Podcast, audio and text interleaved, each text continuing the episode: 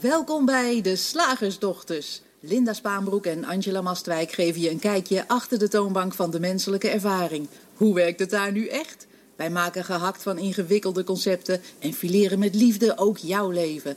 Dat alles onder het motto geluk. Mag het een onsje meer zijn? Hallo luisteraars, ik ben Linda en tegenover mij Angela. Hi Angela. Welkom allemaal. Op onze nieuwe stek bij Radio Soest. Dat is weer eens wat anders. Dat is weer heel wat anders. Wij uh, hebben tot uh, nu toe een wekelijkse radioshow gedaan. Gewoon zelf op internet en, uh, en nu dus officiële radio bij Radio Soes. Nou, en voor jullie als luisteraars op dit moment zijn de Slagersdochters en onze uitzending Geluk in de aanbieding natuurlijk iets heel nieuws. Dus het leek mij leuk om even te beginnen met een klein beetje te vertellen wat we gaan doen tijdens deze uitzendingen. Wij praten over geluk. Dat wat maakt dat je je gelukkiger voelt, maar ook dat wat maakt dat je je geluk niet ervaart. Dat je stress hebt of je vervelend voelt of wat dan ook. En wij willen heel graag laten zien hoe gelukkig zijn makkelijker is. Nou, dat doen we in deze uitzendingen in vier verschillende segmenten. We beginnen altijd met het thema van de dag. En voor deze uitzending is dat uh, hoe kom ik van die stressvolle gedachten uit? En daarna, Angela, hebben we nog drie items. Ja, het tweede item is altijd uh, mijn pakje aan. Dat is de wetenschap. En dan uh, doe ik altijd mijn best om uh, vernieuwende wetenschappen te onderzoeken. Onderzoeken te lezen en de luisteraars daar deelgenoot van te maken. Interessante dingen over het brein of over natuurkunde of over biologie.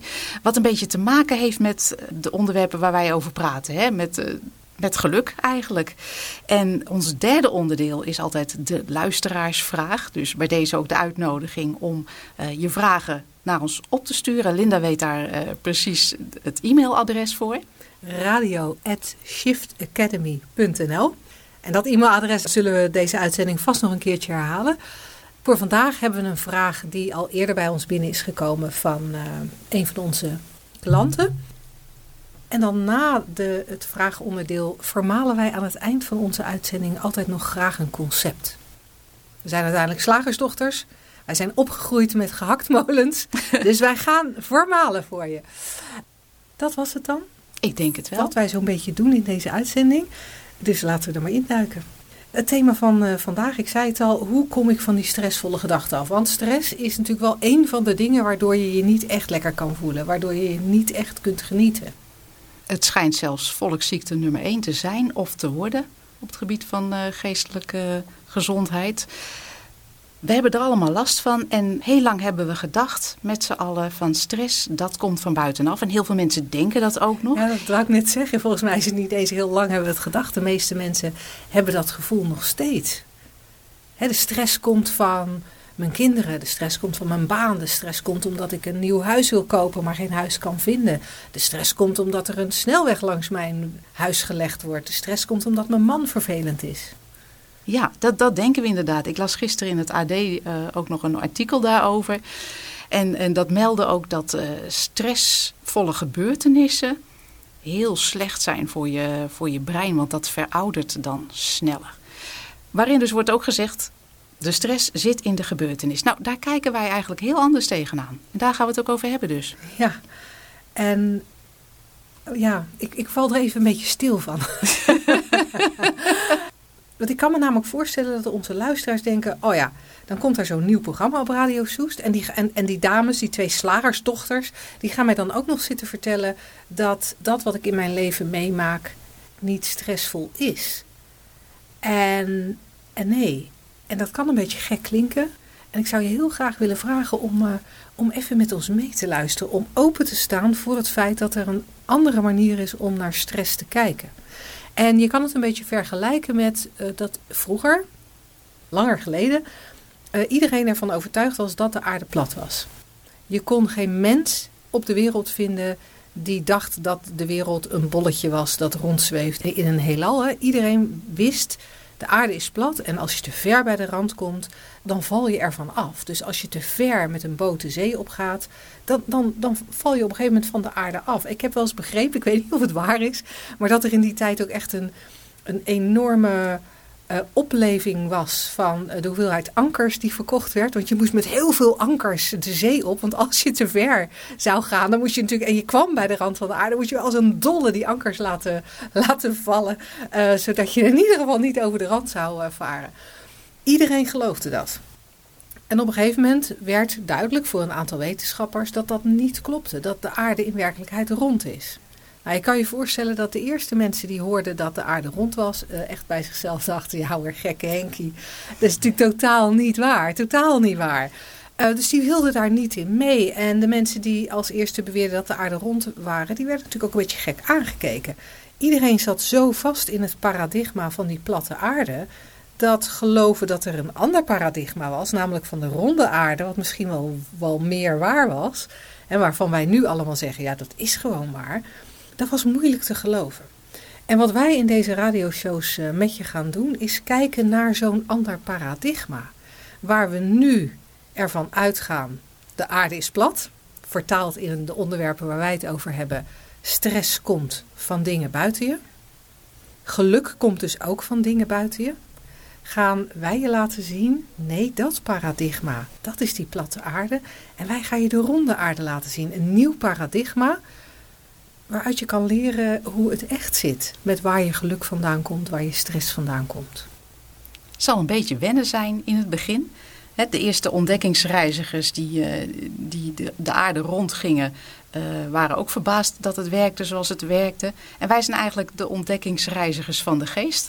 Ja, je zou ons ontdekkingsreizigers kunnen noemen, omdat wij het veel over denken hebben. En inderdaad, stress is dus niet iets wat van buitenaf naar binnen komt, maar andersom. En dat is even wennen en daar gaan we het over hebben. Maar als je dat eenmaal gaat zien, als je eenmaal als zo'n ontdekkingsreiziger naar de eigen geest gaat kijken, zou je misschien kunnen ontdekken dat het heel erg ontspannend werkt. Want stel je nu toch voor dat je niet meer het gevaar hebt om van de aarde af te vallen, zoals vroeger. Zo is het ontdekken dat je stress van binnenuit creëert als je dat eenmaal een beetje gaat zien in je eigen leven, bestaat het gevaar ook niet meer dat je aan je stress ten onder gaat. Dat je een burn-out krijgt, dat je uh, niet meer weet waar je het moet zoeken, dat je s'nachts wakker ligt bijvoorbeeld. En dat is natuurlijk fijn. Dat is super fijn. Dus, Angela, kom dan maar op. Net hoe het dan wel zit. Waar komt die stress dan wel vandaan? Ja, die stress die komt dus van binnenuit. En hoe werkt dat nou een beetje? Nou, laten we uh, wat we tot nu toe een stressvolle ervaring zouden kunnen noemen. Bijvoorbeeld, jij, jij noemde in jouw rijtje, er wordt een weg aangelegd voor mijn huis. Ja. Heb ik stress van, zeggen we dan. Nou, om iets te kunnen ervaren in de wereld als mens, dus om iets te kunnen zien, horen, ruiken, proeven, lezen, verwerken, hebben we het denken nodig. Zonder dat denken zouden we niets kunnen ervaren. Want hoe zouden we weten dat die snelweg aangelegd wordt? Dan hebben we toch echt de tussenkomst nodig van een gedachte. En dan maken we daar een stressvolle gedachte van. Ah, dit wil ik niet.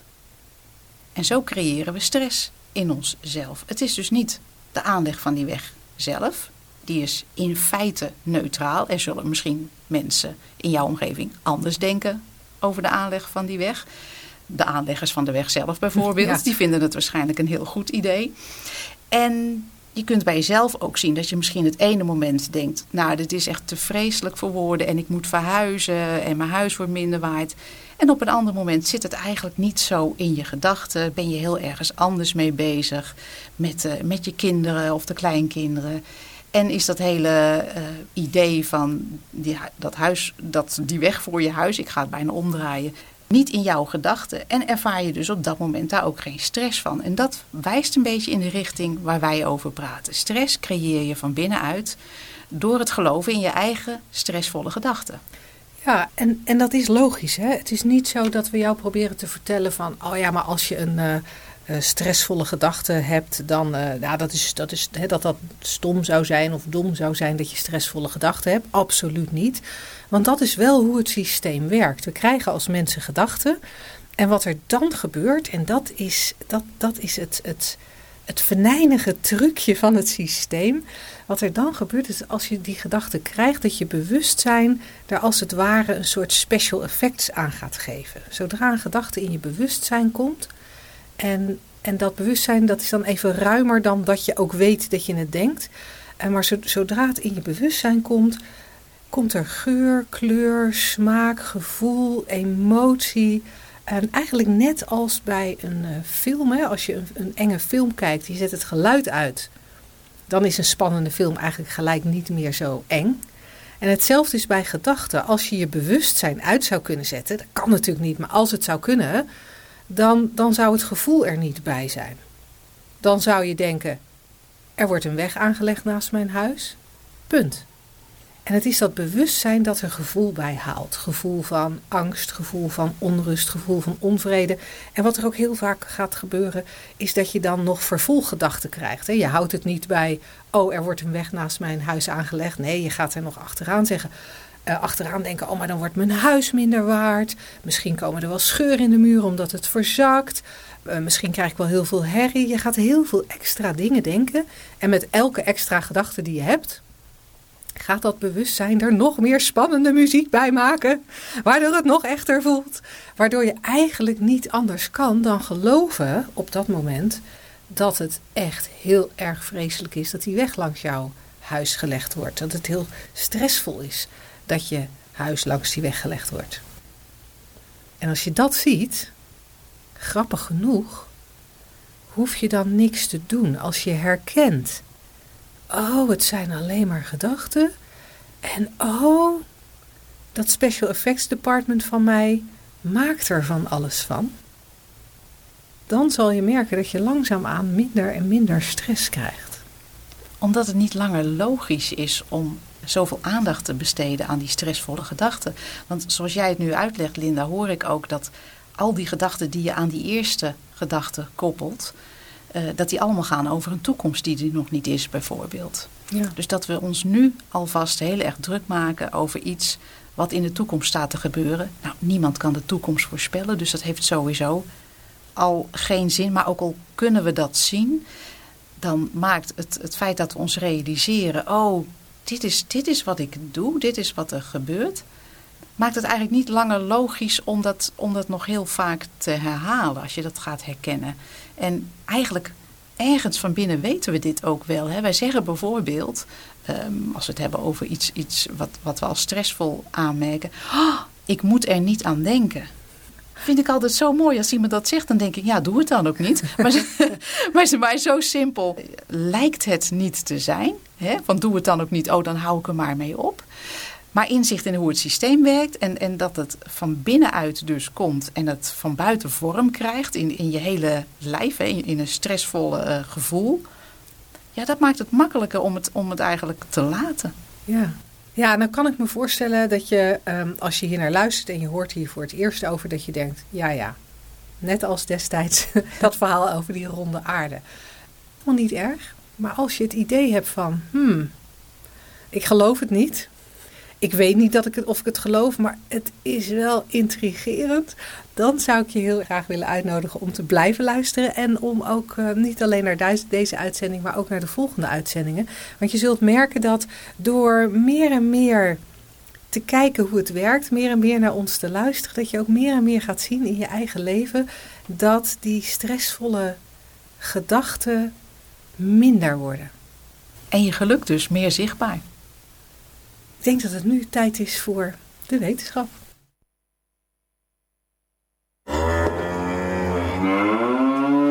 Slagersdochters, wat zit er in de leverworst? Oftewel, tijd voor wat wetenschap. Ja, de wetenschap, daar gaan we het over hebben. En ik heb een artikel gelezen en dat gaat over de neurowetenschap. Hè? Onze, onze hersenen dus. Die bestaan uit neuronen en, en wel een ongelooflijk hoog aantal. 80 tot 90 miljard neuronen zitten er in onze hersenen. En uh, zodra wij denken, dan gaan die aan de slag. En dit onderzoek gaat over het geheugen. En ook over geheugenverlies en waarom we dingen vergeten. En ook waarom dat niet erg is. En daarom vond ik het zo leuk om dat eventjes uh, te bespreken deze week. Ja, want meestal vinden we vergeten heel erg. maken we daar ook een punt van. Ja, Ik inderdaad. vergeet dingen. Wat is er mis met mij? Oh, straks ga ik mijn moeder achterna. Die was ook zo vergeetachtig. Ja, het schijnt erg te zijn. Maar dit onderzoek zegt heel iets anders. Dat zegt dat je hebt 80 tot 90 miljard neuronen dus in je hersenen. En als daar maar 10% gereserveerd zou worden voor het onthouden van dingen... dan zou je als mens 1 miljard persoonlijke herinneringen kunnen opslaan. Wow.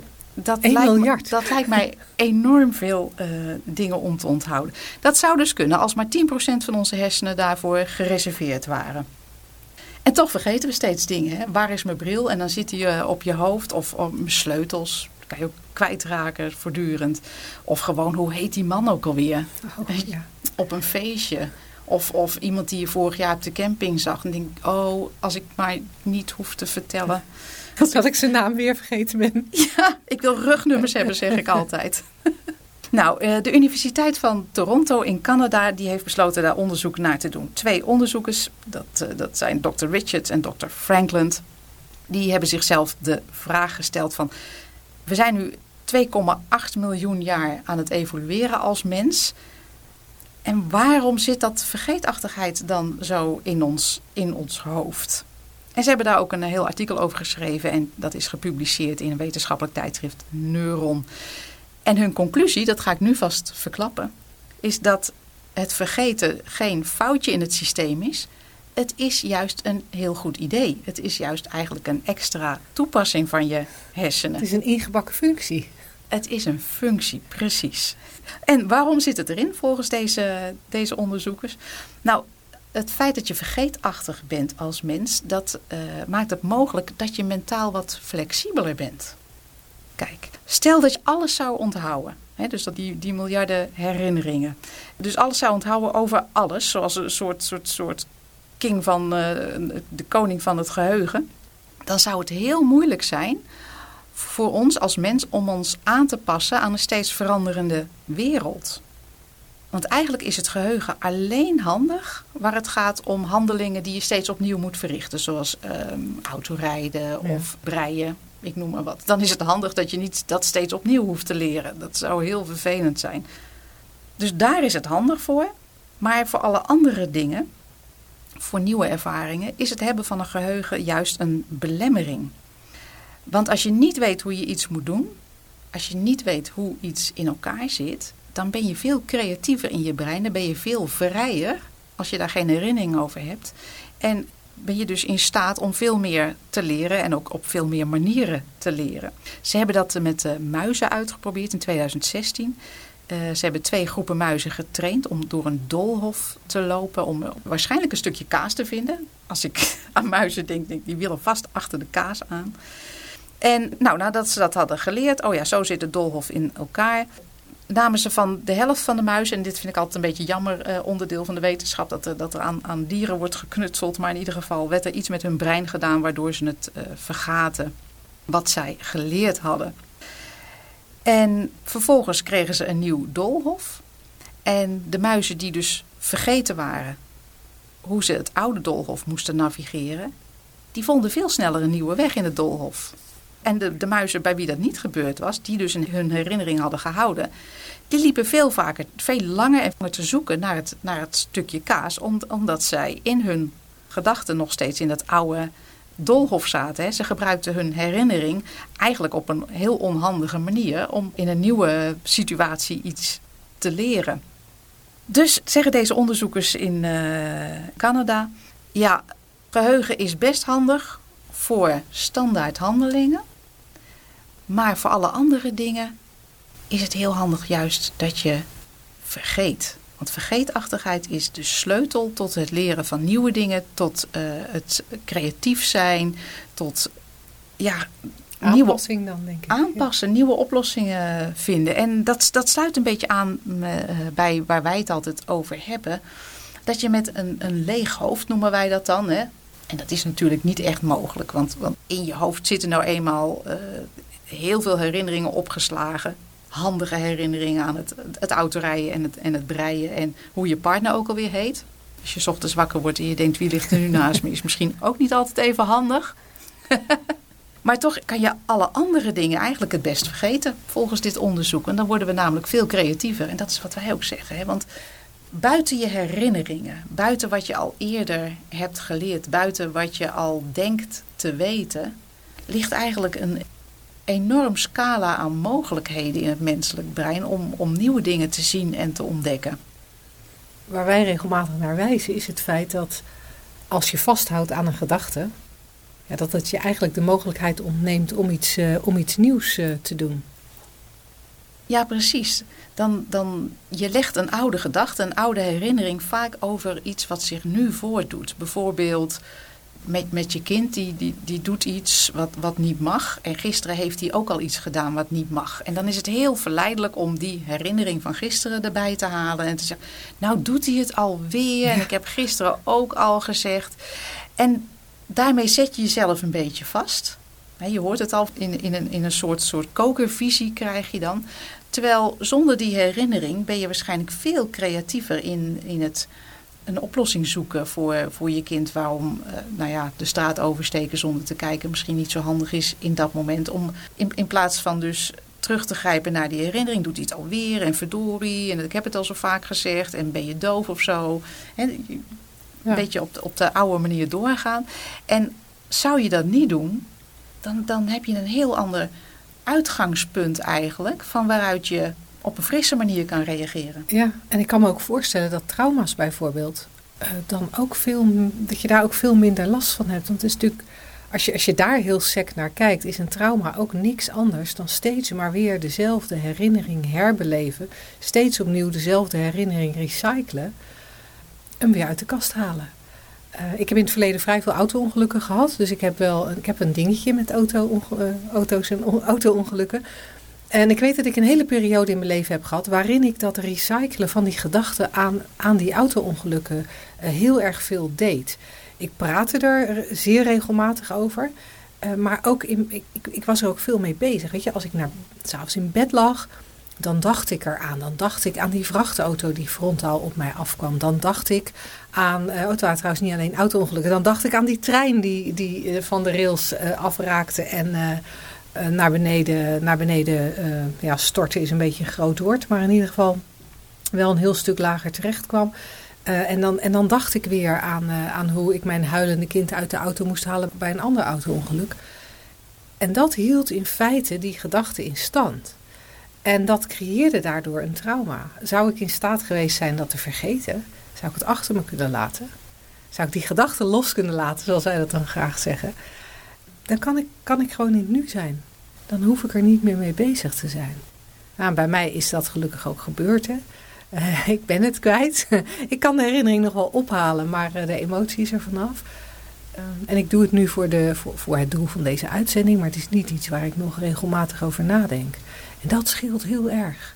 Ja, precies. En uh, wat ook in dit onderzoek naar voren kwam, heel veel mensen denken, ja, maar je moet toch leren van je fouten. Dat is wat we elkaar vaak zeggen. Van nou ja, als je een keer iets hebt uitgeprobeerd en dat ging helemaal mis, dat is handig, want dan de volgende keer, dan weet je in ieder geval hoe je het niet moet doen. Maar ook met dat idee maken deze onderzoekers korte metten, want zij zeggen, ja, als je leert van je fouten, is, is eigenlijk net als wat die muizen doen met dat, met dat doolhof. Je neemt die oude situatie mee en het is echt nooit handig. De mens is oneindig veel uh, creatiever zonder die modellen van het verleden. Want dat is wat we doen. Het model van het verleden leggen we over het heden. Ja, want dat, dat is dan de vraag die bij mij opkomt. Is er ooit een situatie exact hetzelfde? He, je kind was gisteren vervelend, je kind is nu vervelend. Maar is het hetzelfde? Heeft hij dezelfde dag? Heeft hij dezelfde emotie? Heb jij zelf op dit moment dezelfde emotie, dezelfde gemoedstoestand? Ik betwijfel of het ooit 100% hetzelfde is. En dan klopt dit natuurlijk wel heel erg daarbij. Nou ja, waarom zou je dan weer hetzelfde reageren als eerder? Ja, en, en het feit dat we die herinnering meenemen, maakt misschien dat het lijkt alsof het elke keer hetzelfde is. Ja. want we leggen natuurlijk die, die herinnering over het huidige moment heen. En dan lijkt het misschien, oh nee, weer die vent of weer dat kind of weer die vervelende situatie of weer die lange rij in de supermarkt. Om maar eventjes wat diverse situaties in het leven te noemen die uh, herhaaldelijk voorkomen. het lijkt hetzelfde omdat wij eigenlijk die herinnering er steeds overheen leggen. Maar blijkbaar ook blijkt het uit jouw verhaal over eindeloze reeks ongelukken die jij gehad hebt. Hoeft het niet? Is er de mogelijkheid om, dat, uh, om elk moment weer fris in het leven te staan en, en daardoor vrijer te leven? En zegt dit, uh, dit, dit onderzoek ook iets over dingen expres vergeten? In de zin van, als, zou je er een soort invloed op kunnen hebben? Ik geloof niet dat dat in dit onderzoek onderzocht is. Nee. Vooral omdat het ook eh, op muizen is uitgevoerd. En ik geloof niet dat, ja, je, dat, dat je die de instructie kan geven om, uh, om iets bewust te vergeten. Ja. Dan moeten ze echt uh, gaan manipuleren in, uh, in de hersenen, wat op zich natuurlijk jammer is. Maar um, um, wat, wat nog wel een onderdeel van het onderzoek was, en dat vind ik ook heel mooi. Dat is wel bij mensen uitgevoerd is dat je door een paar lijnen neer te zetten op papier, herkennen mensen al heel snel, in, in, in dit geval van dit onderzoek, bijvoorbeeld een stier. Dus je zet vier lijnen op papier. Oh ja, dat is, een, uh, dat, dat is in ieder geval een koeachtig beest. Terwijl in werkelijkheid zo'n zo'n zo'n koe natuurlijk heel veel uh, lijnen heeft en heel veel uh, ja. dimensies heeft. Maar kennelijk is het menselijk brein door die herinnering in staat om met een paar lijnen dus iets, veel gedetailleerders op te roepen in het brein. En dan denk ik, en dat is in het dagelijks leven eigenlijk ook een valkuil. Want je komt bijvoorbeeld een kennis tegen met wie je wat vervelende ervaringen hebt. En hij zegt drie woorden waarvan je denkt, dat vind ik niet zo prettig. En je, je schildert gelijk een heel beeld van, van hoe die vent altijd vervelend is. Dat ja. is eigenlijk hetzelfde als dat je in vier lijnen een koe herkent, terwijl er helemaal nog geen koe staat. Nee, in, in, in vier opmerkingen ja, in vier... herken je de vervelende man. Terwijl het heel goed nog een andere kant op zou kunnen gaan. Ja, dus eigenlijk moeten we gewoon met z'n allen lekker vergeetachtig worden. Alleen als het, uh, als het gaat om uh, routinematig handelen, nou ja, dan, dan, willen we het nog wel dan onthouden. willen we het nog wel onthouden. Zeg, slagersdochters, hoe bak ik die vegaburger? Over naar de luisteraarsvraag. Nou, en tijdens deze eerste uitzending hebben we, zoals gezegd, natuurlijk nog geen officiële luisteraarsvraag. Uh, dus uh, wij gaan aan de slag met een vraag die eerder bij ons binnen is gekomen. Maar ik zou onze luisteraars wel heel graag willen oproepen om de vragen die je hebt als het gaat om geluk of stress, uh, of de dingen waar wij hier over praten. Of als je bijvoorbeeld denkt, ja, nou dat zeggen ze nou wel. Die maar. slagersdochters, maar om, dat, uh, om dat soort dingen aan ons te mailen. We hebben een uh, speciaal mailadres voor alle vragen voor de radioshow. En dat mailadres is radio apenstaartje shiftacademy.nl. En Shift Academy schrijf je op zijn Engels, dus ik zal het voor deze keer even spellen. Uh, radio apenstaartje S-H-I-F-T A-C-A-D-E-M-Y.nl. Nou, en dan gaan we voor vandaag aan de slag met een uh, vraag van Sandra, die eerder al eens bij ons is binnengekomen. En toevallig uh, valt die wel, uh, vraag wel aardig samen met een aantal dingen die ter sprake gekomen zijn deze uitzending. Sandra vroeg ons: Het klinkt mooi dat stress van je gedachten komt. Maar mijn man is aan het dementeren en dat geeft zoveel ellende en zoveel stress. Zijn dementie is echt geen gedachte. En de problemen die dat met zich meeroept, uh, ook niet. Ja, een hele mooie vraag. En uh, voor mij ook een beetje herkenbaar, omdat mijn moeder ook de laatste zeven jaar van haar leven heel dement was. En dat brengt inderdaad allerlei ja, te regelen dingen, zou ik bijna willen zeggen, met zich mee. Er moeten dingen ondernomen worden. Zij kon niet meer zelfstandig blijven wonen. Zij, kon, uh, zij functioneerde cognitief niet meer, dus ze moest overal bij geholpen worden. Dat klopt. Maar als we een onderwerp nemen als dementie, dan um, onze ervaring daarvan. Dus dus in, in principe is, dat, is, is elk onderwerp in het leven, en, en blijf even bij ons, want het, het, lijkt heel erg um, afstandelijk wat ik nu ga zeggen, heel erg verstandelijk ook. Maar elk onderwerp in het leven is in principe neutraal. Zelfs dit soort onderwerpen. Onze ervaring daarvan, die creëren wij dus weer door middel van de gedachten. Want als je tegen een kind bijvoorbeeld zegt: Oma heeft Alzheimer, of oma is dement, zal die daar niets van maken. Het kind heeft in het hoofd nog helemaal geen beeld van wat betekent dat, wat betekent dat voor mij, uh, um, hoe zal dat in de toekomst gaan. Die maakt zich daar geen zorgen over. Het heeft nog geen enkele betekenis, omdat in, in een kinderhoofdje is de gedachte Alzheimer of dementie nog niet voorzien van kleur, geur en smaak zoals wij dat hebben. Hè? Tegen, zeg tegen ons dat woord en wij hebben direct ja een beeld of, of eh, een beetje een schrikreactie was het ook als ik aan andere mensen vertelde: mijn, mijn moeder dementeert of mijn moeder is dement. Oh, wat erg. Wij hebben daarvan uh, van besloten dat dat, dat dat erg is. En daardoor kunnen wij dat uh, begrip ook niet meer neutraal bekijken, terwijl het van zichzelf wel neutraal is. Dat neemt niet weg dat er dingen te doen zijn. Maar ook daar weer van zijn, is de ervaring, wordt 100% gecreëerd door de gedachten die je daarbij hebt of daarover hebt. Of welke betekenis je het geeft. Kijk, we zitten als mens nou eenmaal in een, in een lijf, in een vorm, in een, in een wereld waarin van alles uh, gebeurt.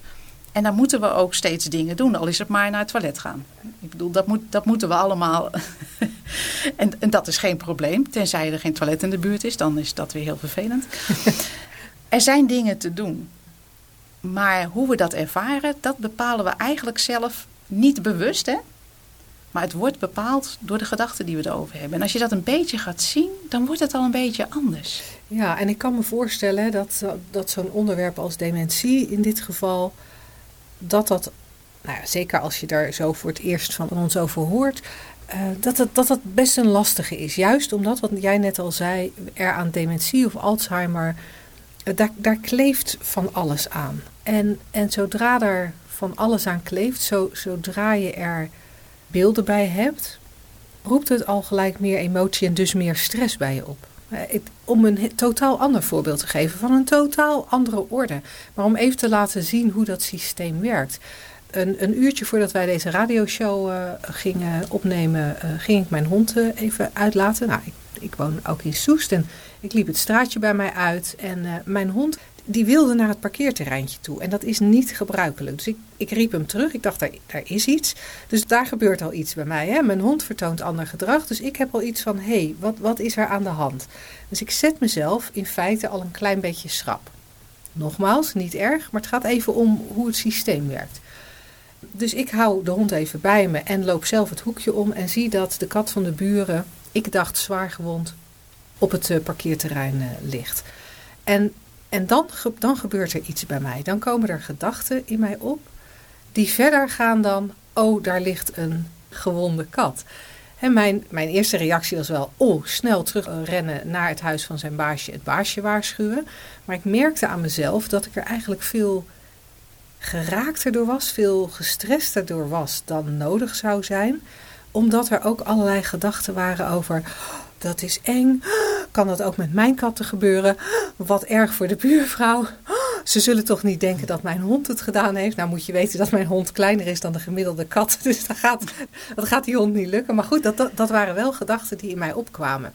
En doordat ik die gedachten had, en dat bewustzijn daar, dus, dus je hoorde het al aan hoe, de, hoe ik het vertelde, hè, die emoties aangaf van, ze zullen toch niet denken dat mijn hond het gedaan heeft. wat zielig voor de buurvrouw. Dat is wat de stress veroorzaakt. Al mijn gedachten die verder gaan dan, dan het feit. Het feit is, er ligt een zwaar gewonde kat. Of er ligt een gewonde kat. Ik, had niet eens goed genoeg gekeken of die zwaar gewond was of niet. Nou, even later bleek helaas dat hij al, uh, al dood was. Dus, dus dan kan je constateren, hé, hey, daar ligt een dode kat. En alles wat er daarna komt aan gevoel, aan stress, komt door mijn gedachten, omdat ik die specifieke gedachten heb die ik daar net al noemde. Terwijl iemand anders met andere gedachten ook tot een ander gevoel zou komen. Iemand anders zou heel goed kunnen denken. Gelukkig weer zo'n rotbeest minder, bij wijze van spreken. Of nou, dan moeten die mensen zo'n kat maar niet uh, uh, los laten lopen. Uh, eigen schuld, dikke bult. Het zijn niet mijn gedachten, maar ook die gedachten kun je hebben. En als je die gedachten hebt, als je voor die gedachte kiest, dan zit er een heel ander gevoel bij diezelfde situatie.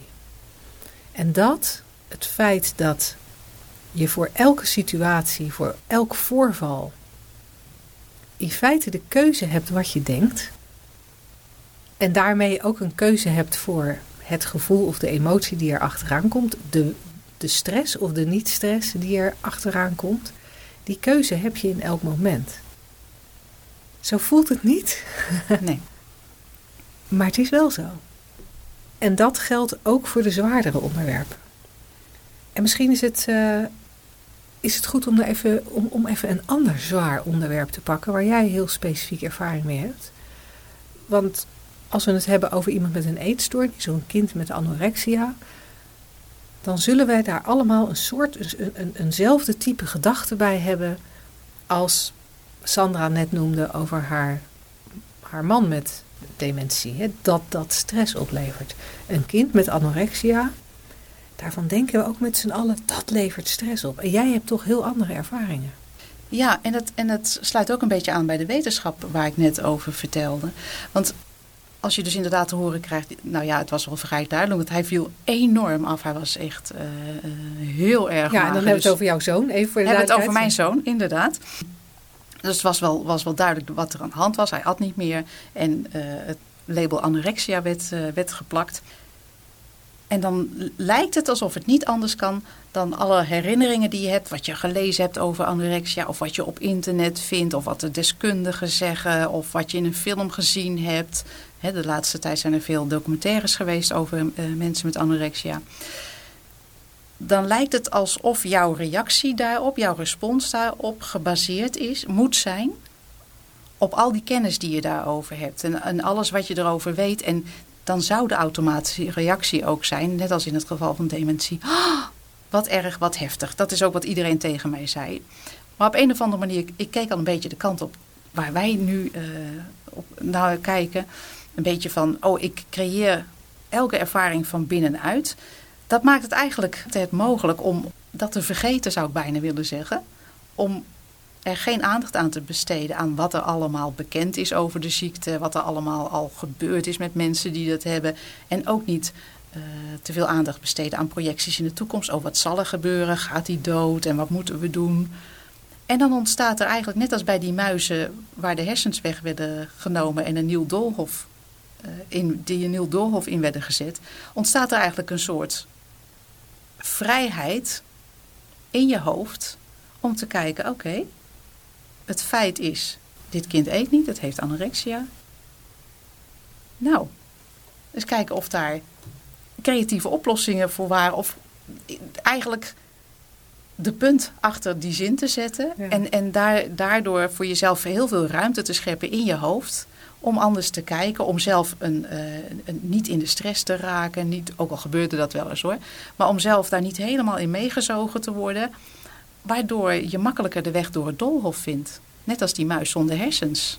Ja, want daar, daar zeg je iets wat ik heel graag nog even wil verduidelijken. Dat, dat je zet een punt achter, achter de zin, achter de constatering. Dit kind eet niet, punt. Ja. En dat is wat we over het algemeen niet doen. Over het algemeen zetten we komma's. Dit kind eet niet, komma.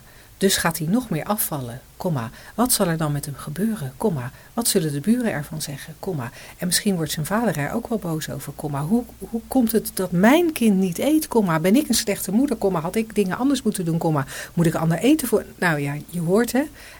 en met elke komma die we zetten, creëren we in feite ook meer, meer stress. Rondom wat een constatering was, dit kind eet niet. En om het weer even weg te halen bij de zwaardere onderwerpen, want soms is het makkelijker om het bij de kleinere onderwerpen te, te zien, dat doen we heel vaak. en dat doen we misschien wel bijna altijd. En als je meer en meer kunt zien dat dat niet nodig is, dat je meer en meer kan zien, hé, hey, ik kan hier een punt zetten, dan wordt je leven wel een stuk luchtiger. en makkelijker, dan wordt genieten ook makkelijker. Ehm, om een voorbeeld te noemen, mijn ramen van mijn huis eh, zijn vuil. Oh. Nou, dat is, dat, dat is wel een dingetje. Oh nee, je zet een punt. Ik zet een punt. Maar natuurlijk kan ik daar komma's zetten. De ramen zijn vuil, komma. Ik ben ook niet zo'n goede huisvrouw, komma. En dan ga ik ook nog bijna op vakantie, dus blijven die ramen vuil. Kom maar, er komt iemand in mijn huis, die ziet dan die vuile ramen. Kom maar, wat zal ze wel niet van mij denken? Kom maar, ik zou het eigenlijk nu nog even moeten doen voordat ik op vakantie ga. Kom maar, ik moet nog zoveel andere dingen doen. Kom maar. Ah, je hoort hem al, hè? De stem gaat sneller, de ademhaling gaat hoger en de stress neemt toe. Nogmaals, met elke komma die ik zet, maak ik het een beetje erger. En als ik kan zien dat het eerste stukje nog een constatering was. De ramen zijn vuil. Punt. Maar als ik kan zien dat alles wat ik daarna erachteraan gooi, elke komma die ik zet en elke bijzin die daar komt, dat elk van die bijzinnen een nieuwe gedachte is waar, waar ik die geur, kleur en smaak aan geef, waarmee ik mijn stress creëer. Dat elke zin die ik erachter zet, elke bijzin die ik verzin, in feite een, een invulling is, een bedenksel is. Het is gewoon niet waar. Het voelt wel waar, maar het is niet waar. En als je dat gaat zien. Dan zou er zomaar zoveel ruimte in je hoofd kunnen ontstaan. En zo, het levert ook zoveel energie op. Dat je misschien binnen een half uurtje die ramen hebt uh, gelapt. Ja, wie weet. Of niet. Maar dan in ieder geval met veel ontspanning de koffers aan het inpakken ben voor de vakantie. Nou, even terug naar Sandra, hè, want het was uiteindelijk naar aanleiding van de vraag uh, van Sandra over haar man met uh, dementie en dat dementie per definitie stress oplevert. Ik hoop dat, dat we met de voorbeelden die we gegeven hebben, hebben kunnen laten zien dat of het nou om een klein onderwerp gaat of om een wat wij een groot onderwerp noemen als mensen, dat het feit of je er stress van hebt of niet, altijd afhangt van misschien moeten we wel zeggen, het aantal bijzinnen dat je erachteraan zet. Het aantal komma's dat je creëert. Dus als je daarmee, Sandra daarmee zou kunnen stoppen, als ze dat wat minder zou kunnen doen, dan zou het leven wel een, uh, ja, dan zou het leven toch minder stressvol zijn. Ook met een partner met dementie. Tot zover de vraag van Sandra. Uh, ik wil onze luisteraars nogmaals heel graag oproepen om je vragen aan ons toe te sturen. En dat mag je doen naar radio shiftacademy.nl. En dan gaan wij in een van onze volgende uitzendingen daarmee aan de slag.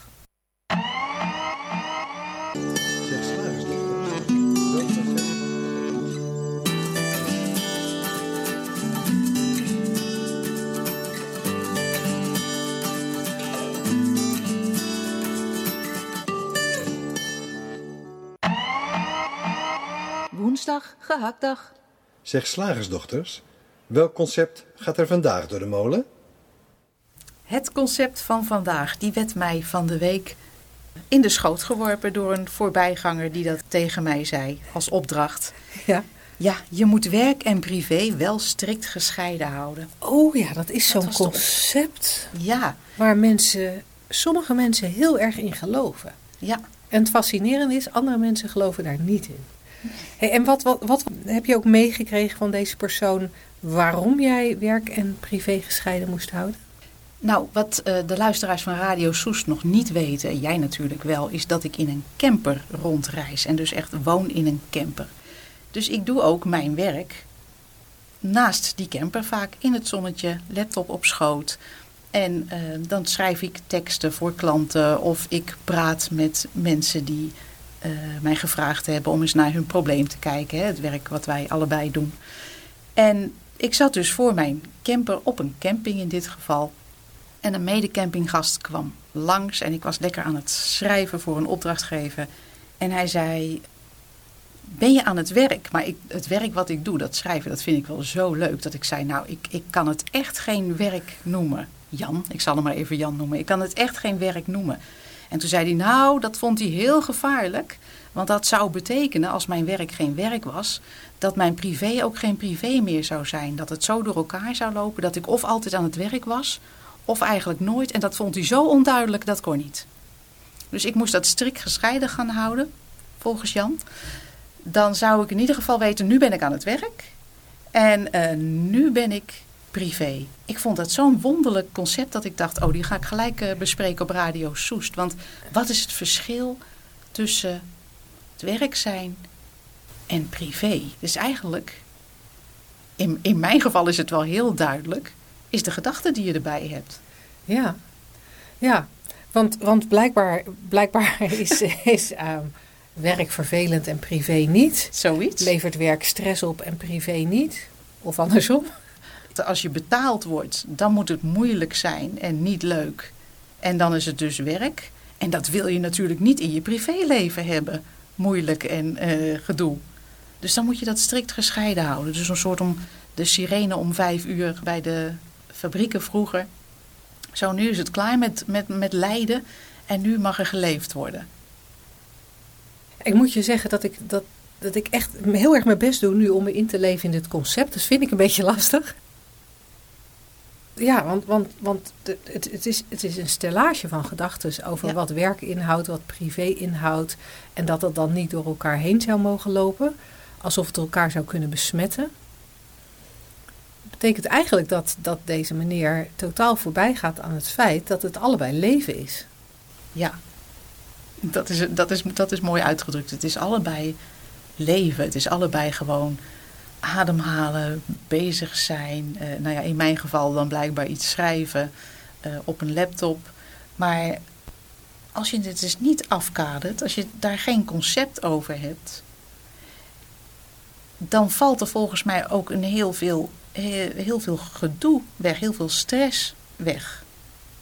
Want stel dat ik het nou niet het label werk geef, maar gewoon leven. Gewoon in doen. ieder, ja, in ieder moment. Ja, dan heb je wel een punt gezet, hè? Ja, dan heb... Als we het hebben over die punten die bijzinnen van daar straks, dan staat er wel een punt. Oh ja, ik ben aan het leven. Wat ben je aan het doen? Nou, ik ben aan het leven. ja, het, het is... grappige is, het, het, het, maakt het leven ook een beetje, volgens mij, extra gecompliceerd als je in zo'n concept uh, uh, gelooft van je moet werk en privé gescheiden houden. Want ik zat me af te vragen, wat zitten wij hier dan te doen bij Radio Soes? Is dit nou privé? Is dit nou werk? We worden er niet voor betaald. Ja, geen idee. We zouden en... dit eigenlijk niet kunnen doen. Want dit zit in het grijze middenvlak.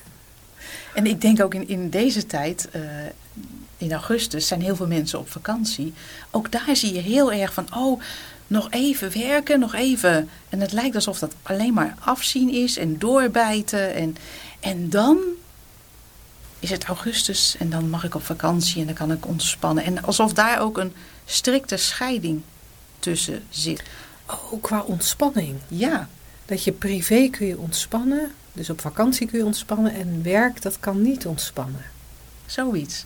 En daarom vind ik het ook zo mooi, uh, waar wij het over hebben, is eigenlijk bied je de mogelijkheid om gewoon te ontspannen in je leven. Of je nu uh, betaald een, een, stukje reclame zit te schrijven, of uh, voor de lol een radioshow opneemt, of met een medemens kletst, al dan niet tegen betaling. Want dat is vaak dan ook een criterium.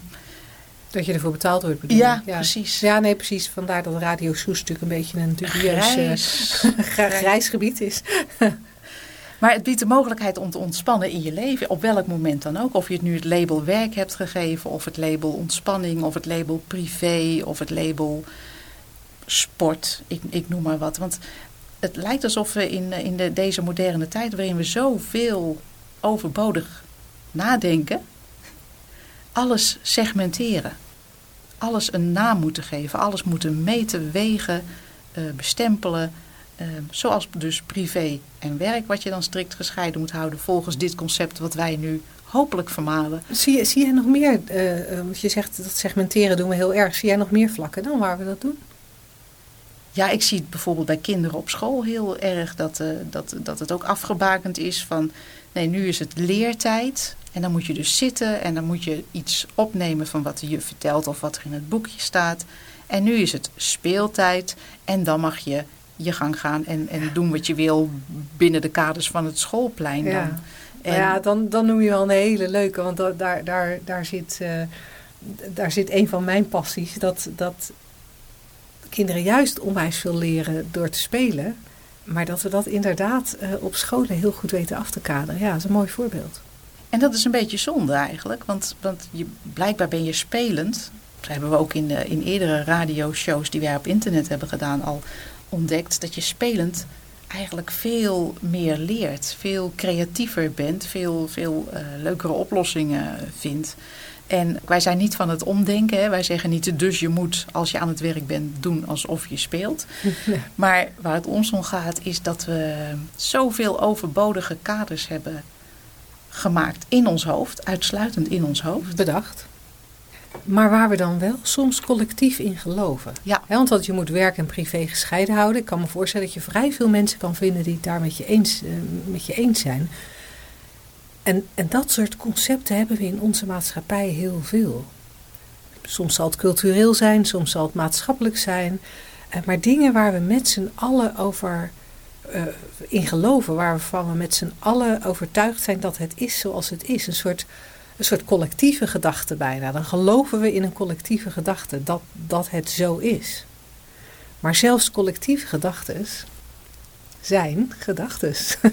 gedachten zijn niet waar. En gedachten zijn niet waar, die zijn neutraal en die krijgen alleen maar um, ja, waarde, zou ik bijna zeggen, doordat ons bewustzijn daar dat Special Effects Department bij haalt. En, en daar die emoties en het gevoel aan gaat hangen. Dus ja, het is, het is een beetje jammer dat we dat doen. Want eigenlijk is het hetzelfde weer terugkomend op het stukje wetenschap waar we het vandaag over gehad hebben eigenlijk creëren we steeds opnieuw met ons geheugen zo'nzelfde doolhof van nou, zo zit het in elkaar en zo lopen we dan en dat weten we, daar ligt het stukje kaas en zo doen we dat de rest van ons leven. Dit is privé, dit is werk en uh, als ik klaar ben met mijn werk, dan kan ik ontspannen en als ik 67 ben, is het ondertussen, ja. dan ben ik klaar en dan mag ik eindeloos gaan ontspannen. Terwijl wij juist zeggen, je hoeft daar niet in te geloven. Je hoeft daar niet in te geloven in die concepten. Daarom gooien wij ze zo graag in de gehaktmolen. En dat biedt ruimte in jezelf om, om uh, ook in, in, in, nieuwe doolhoven uh, de weg naar het stukje kaas te, te vinden. En om, uh, om vrijer te bewegen. Of Ja. het nu werk is of, of Ja. privé. Ja, want hoe cool zou dat zijn hè? als je gewoon in elk moment kan zijn en kan doen, waar je, kan doen wat je op dat moment doet. Eh, zonder het te labelen als dit is werk en dus stress en dus zwaar en niet leuk. En dit is eh, eh, privé en dus wel leuk. Nog heel even, want we hebben volgens mij nog een paar minuutjes. Dat ehm, als, als we dan heel even doorkijken naar dat werk. Dat dat werk blijkbaar nou ja, erg is, vreselijk is, vervelend is, stressvol is. In ieder geval, er is iets met dat werk waardoor we het moeten isoleren. Wij zeggen dat wat je over dat werk denkt, of dat wat het werk aan emoties en gevoel bij je oproept, aan gedachten bij je oproept, dat creëer je weer zelf. Ook dat werk, waar we vaak het kader omheen plaatsen van ja, niet zo leuk, stressvol, noodzakelijk. Het moet nou eenmaal voor het geld. Daar is ook een hoop te zien. Daar is een wereld aan ontspanning te, te vinden. Als je het, eh, of te ontsluiten, is misschien een betere manier van het zeggen. Als je gaat herkennen dat je over je werk heel veel gedachten hebt. Ja, en het is misschien eh, makkelijker herkenbaar als je bij jezelf nagaat. Dat je bijvoorbeeld eh, de ene dag wel eens fluitend naar je werk gaat en denkt, nou, ach, het, hè, het, wordt een leuke dag. Of weet, weet ik veel wat op dat moment aan, aan eh, gedachten speelt. De ene dag ga je fluitend naar je werk. Dan heb je dus blijkbaar niet zoveel gedachten over je werk. En de andere keer word je ochtends wakker en denk je... oh nee, ik heb echt een heel druk schema vandaag... en we beginnen gelijk met een vergadering... en dat zal wel weer uitlopen en Kees zit erbij... en Kees is altijd zo lang van stof en ik heb hier geen zin in... en er ligt al zoveel werk. Dan heb je dus veel gedachten. En, en het verschil daartussen is echt alleen maar... de hoeveelheid gedachten die je hebt... de hoeveelheid gedachten die je blijkbaar gelooft in dat moment... die zorgen voor hoe jij je voelt... En, en dat is denk ik voor iedereen wel herkenbaar. Maar vervolgens, hè, als we dat herkennen, zeggen we ja, maar het komt vandaag heb ik een leuke dag op het werk. Er is niet zoveel te doen. Het is vrijdag en we hebben een borrel om drie uur. En op andere momenten zeggen we nee, maar het, het, ik voel deze stress omdat deze dag heel erg volgepropt zijn. We wijzen eigenlijk naar de buitenwereld om ons Ja. gevoel te verklaren. Maar het enige verschil is Heb je veel gedachten daarover die je gelooft? Veel stressvolle gedachten, hè? Want, want gezellige gedachten, daar, daar... Hebben we nooit last van. Ik moet dat een plekje geven hoor, al dat geluk. Kan het gewoon niet handelen, ik word er ziek van. het, het maakt echt gewoon uit wat je denkt in het moment. Dat is jouw ervaring in het moment. En we geven de buitenwereld de schuld, maar we zijn het zelf. Dat lijkt me een mooi einde van deze uitzending. Luisteraars, dankjewel uh, voor het luisteren naar deze allereerste radio-uitzending van de Slagersdochters bij Radio Soest. Wij gaan afscheid van je nemen en uh, we spreken je heel graag volgende maand weer. Dit waren Linda Spaanbroek en Angela Mastwijk met onze technicus Ida van Steendelaar. En uh, voor nu zou ik zeggen, geniet van je dag en tot de volgende keer. Tot dan.